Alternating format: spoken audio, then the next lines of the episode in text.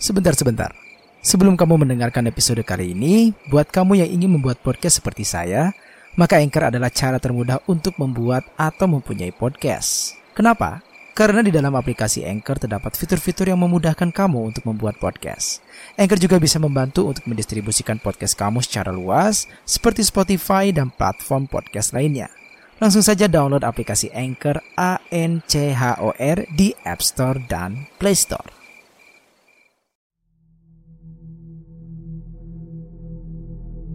Bismillahirrahmanirrahim. Assalamualaikum warahmatullahi wabarakatuh. Selamat malam, selamat pagi, dan selamat siang buat teman-teman semua Yang sedang mendengarkan saya kali ini. Saya Doni, selamat datang di Merinding Story. Halo teman-teman semua apa kabar? Semoga teman-teman selalu dalam keadaan sehat walafiat Selalu dalam lindungan Allah subhanahu wa ta'ala Dan tentu saja semoga teman-teman selalu terhindar dari semua mara bahaya yang Kemungkinan saja bisa menimpa kita semua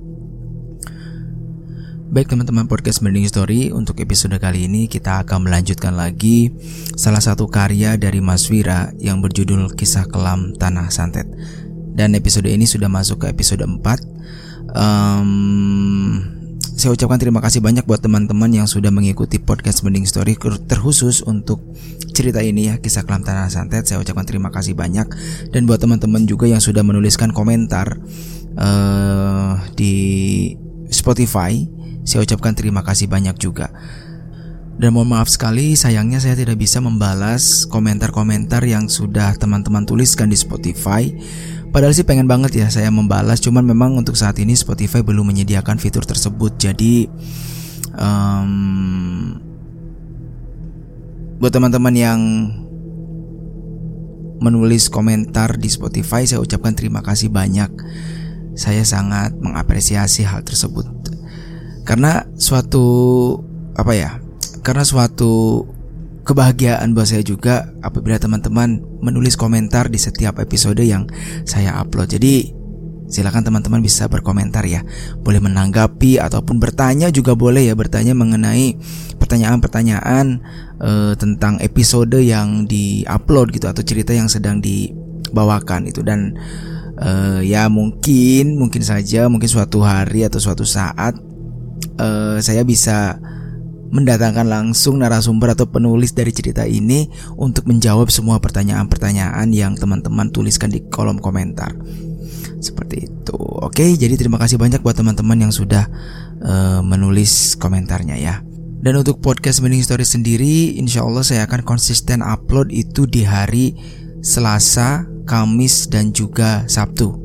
Ya, jadi dalam satu minggu ada tiga hari insya Allah saya akan konsisten. Jadi silakan buat teman-teman yang belum follow podcast Mending Story Silakan follow terlebih dahulu dan aktifkan lonceng notifikasinya Supaya teman-teman bisa mengetahui uh, kapan dan ya kapan podcast Mending Story akan upload cerita ya. Jadi gak menunggu-menunggu lagi gitu. Jadi begitu ada notifikasi langsung deh buka langsung dengarkan podcast Mending Story dan jangan lupa juga untuk mengunjungi Twitter dan juga karya karsa dari Mas Restu Wiratmaja ya teman-teman karena di sana teman-teman bisa membaca banyak sekali cerita yang sangat seru dan tentunya menegangkan karena Mas Wira kalau udah nulis udah kece badai deh pokoknya.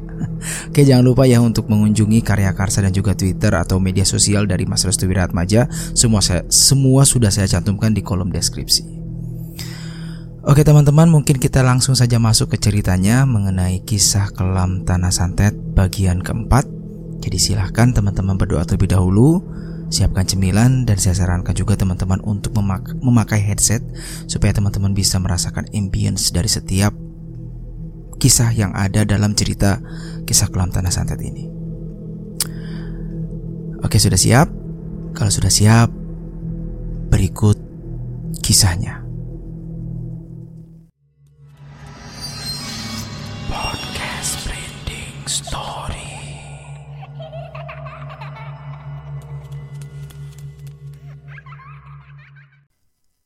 Kisah Kelam Tanah Santet Bagian 4 Perewangan Mbah Kur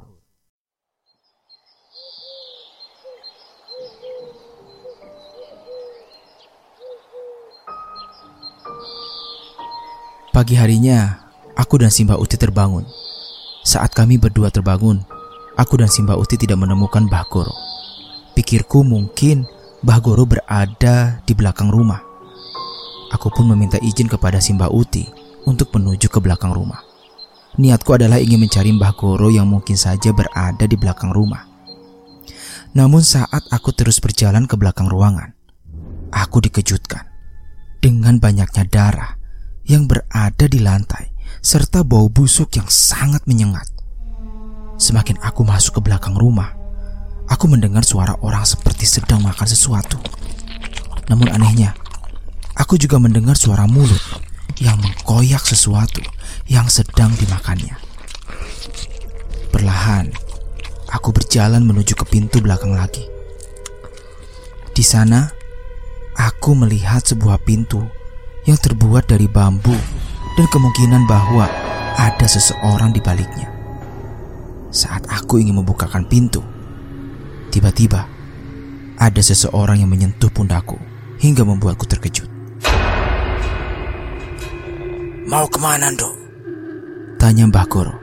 Hmm, Mbah Goro? Ucapku. Ayo, ke depan saja. T Tapi Mbah, tadi saya dengar ada orang kayak lagi makan. Tapi suara mulutnya seperti sedang mengkoyak daging. Itu perasaanmu saja. Aku pun masih menengok ke arah pintu tersebut. Perlahan, kulihat dengan jelas dari celah-celah pintu. Ada penampakan dua bola mata yang berwarna sangat merah. Aku ingin mengatakan hal tersebut kepada Mbak Goro, namun anehnya, mulutku seperti terkunci dan tidak bisa berkata apa-apa lagi. Sesampainya di ruangan depan, Mbak Uti langsung bertanya kepadaku. Kamu habis dari mana, Dok? Habis dari belakang, Mbah. Nyariin Mbah Goro. Ucapku. Mbah Goro langsung terduduk di tempat duduk. Dia pun segera membuka obrolan terkait pemberangkatan untuk menuju ke lahan lambehan gunung. Purnama sudah dekat. Tanya Mbah Goro. Minggu ini akan ada purnama. Berarti semuanya sudah berangkat menuju ke lambehan gunung. Kita mesti berangkat hari ini. Simba Uti hanya mengangguk paham. Aku hanya menunduk sambil memainkan kedua tanganku. Pikiranku masih memikirkan tentang siapa di balik rumah Mbak Goro.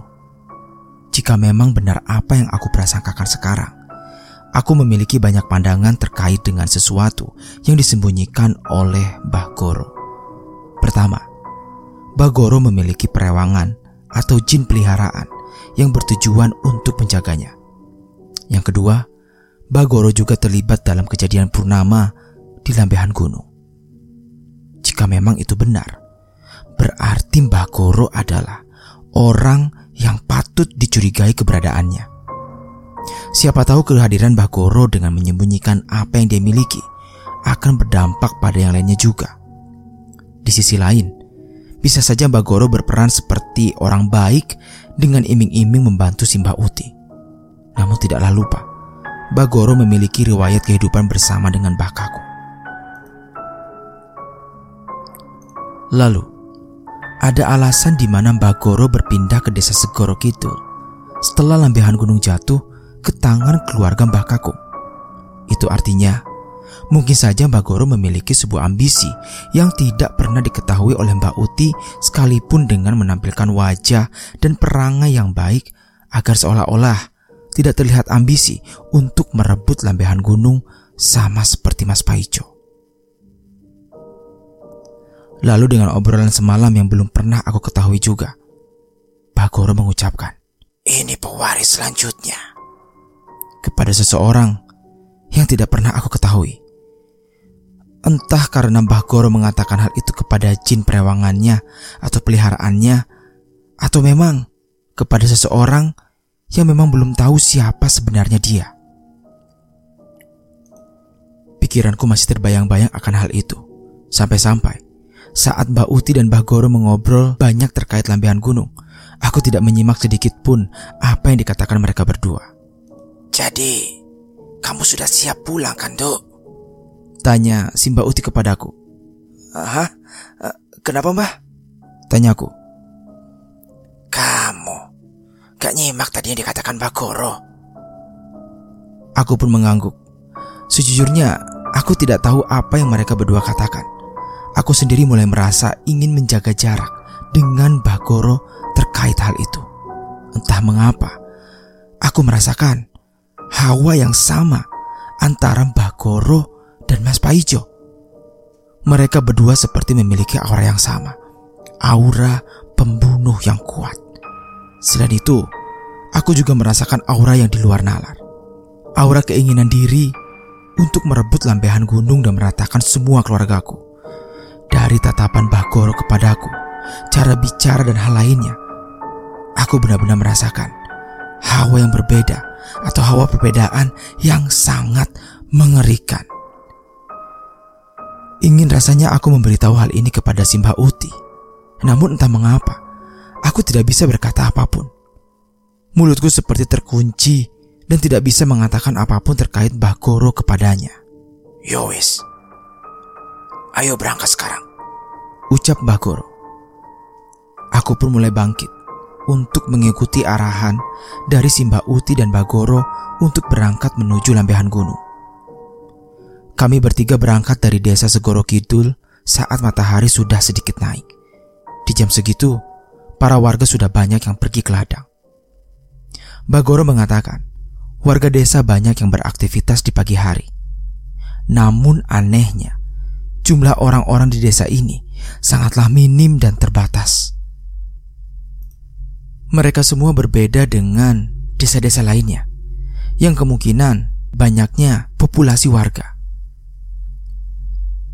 Desa ini terbilang sangat aneh karena tidak memiliki banyak penduduk. Dulu, desa kami menjadi incaran para pejabat karena memiliki kelebihan.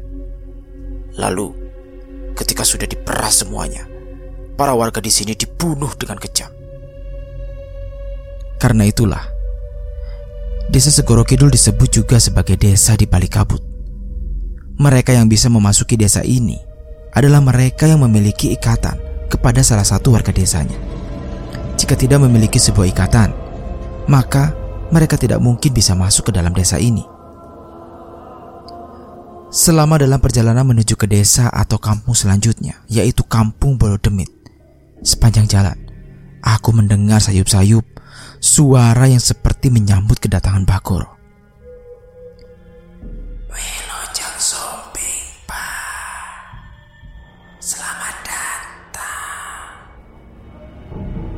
Aku yang mendengarkan hal itu sempat merinding ketakutan.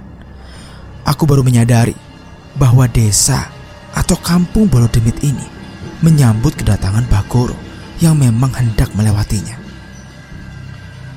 Jangan takut. Hubunganku dengan kampung Bolodemit sangat baik. Mereka semua tidak seperti yang kita bayangkan sebelumnya. Jelas Bagoro. Jadi, tidak semuanya yang berada di tempat ini semuanya tertunduk kepada manusia yang ingin mengikatkan diri kepadanya. Itu adalah demit yang liar.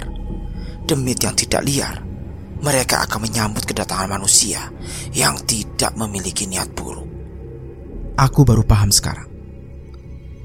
Ternyata kampung bola demit sama seperti manusia. Ada yang baik, ada pula yang jahat, ada yang rakus, ada juga yang benar-benar tidak menginginkan keterikatan kepada manusia, terkecuali ikatan tersebut ingin dijadikan sebagai ikatan baik di antara keduanya.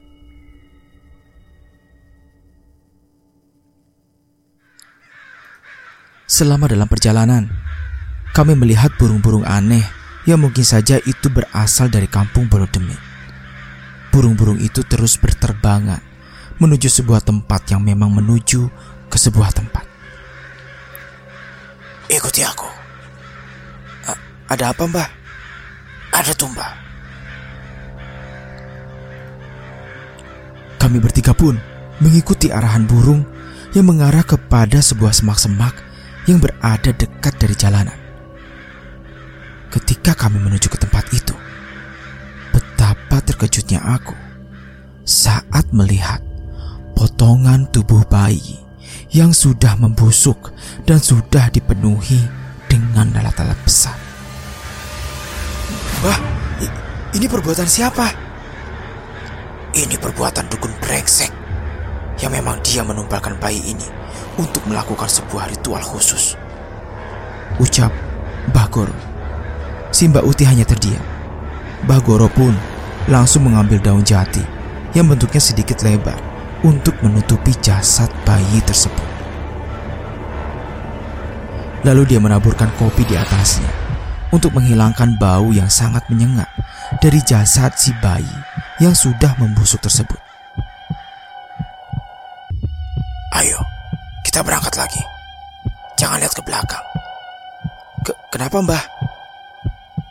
Perlahan, aku mendengar sesuatu yang sama seperti saat berada di rumah Mbak Goro.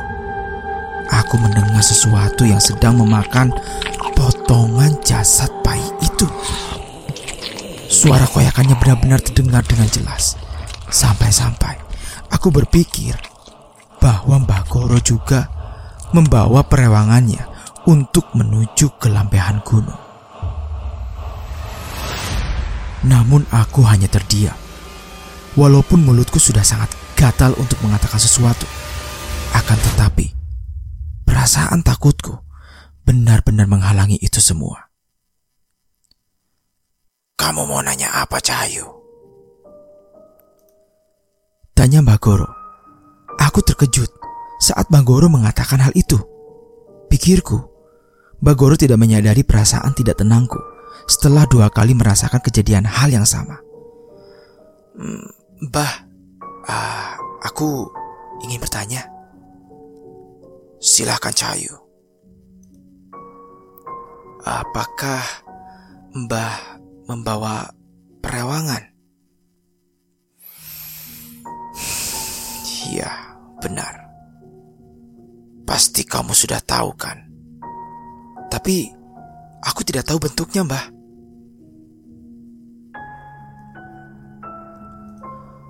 Namanya adalah Dewi Mitarsi. Bentuknya seperti siluman serigala. Sebenarnya, ini adalah bentukan yang sangat langka. Aku menemukannya saat Jawa sudah menyatu dengan tempat-tempat lainnya. Apakah Dewi Mitarsi memakan daging seperti itu? Saat aku menanyakan hal ini, Bagoro hanya terdiam. Mungkin itu adalah bagian yang sangat sensitif yang tidak harus dijawab. Sebentar lagi, kita akan keluar dari kampung ini. Aku dan Mbak Uti mengangguk paham. Kami bertiga pun terus berjalan untuk bisa keluar dari kampung Bolo Demit. Kampung yang menjadi pusat dari banyaknya demit dengan beraneka macam bentuk dan sifatnya. Kampung ini hanya ada di bagian selatan yang tidak mungkin diketahui oleh banyak orang.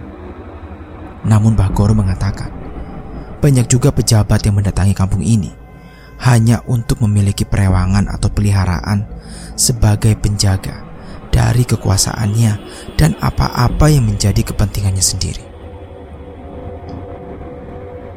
Setelah kami keluar dari kampung Bolodemit, Bagoro pun meminta kepadaku untuk mendekat sejenak. Kamu ingin melihat Dewi Mitarsi? Hah? A apakah mengerikan, Bah? Tidak. Dia berbentuk seperti wanita cantik. Aku pun diminta untuk memejamkan mataku. Lalu, aku mencium bau kunyit dari atas dahiku. Ternyata Mbak Goro menempelkan sedikit kunyit yang telah dihancurkan di dahiku. Tujuannya adalah untuk melindungiku dari serangan-serangan demit yang akan menyerangku sewaktu indera penglihatanku dibuka. Bukalah matamu. Saat aku membuka kedua mataku, aku benar-benar terkejut saat melihat ada wanita cantik mengenakan gaun berwarna putih kebiruan sedang berada di belakang Bakor. Mbah, itu siapa? Silahkan berkenalan. Senyum Bakor. Salam Rahayu. Salam kenal pewaris selanjutnya. Ucap wanita cantik. salam kenal juga. Uh, aku Putri.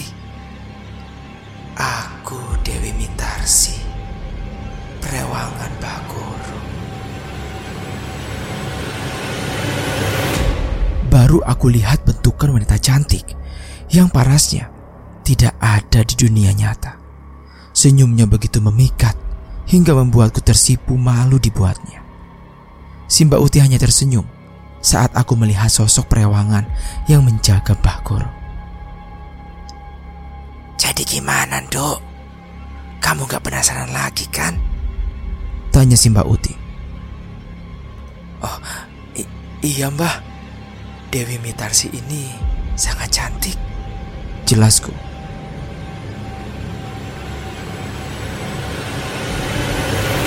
Dia akan merubah menjadi siluman serigala di waktu-waktu tertentu saja, terutama saat melihat darah atau mencium bau darah.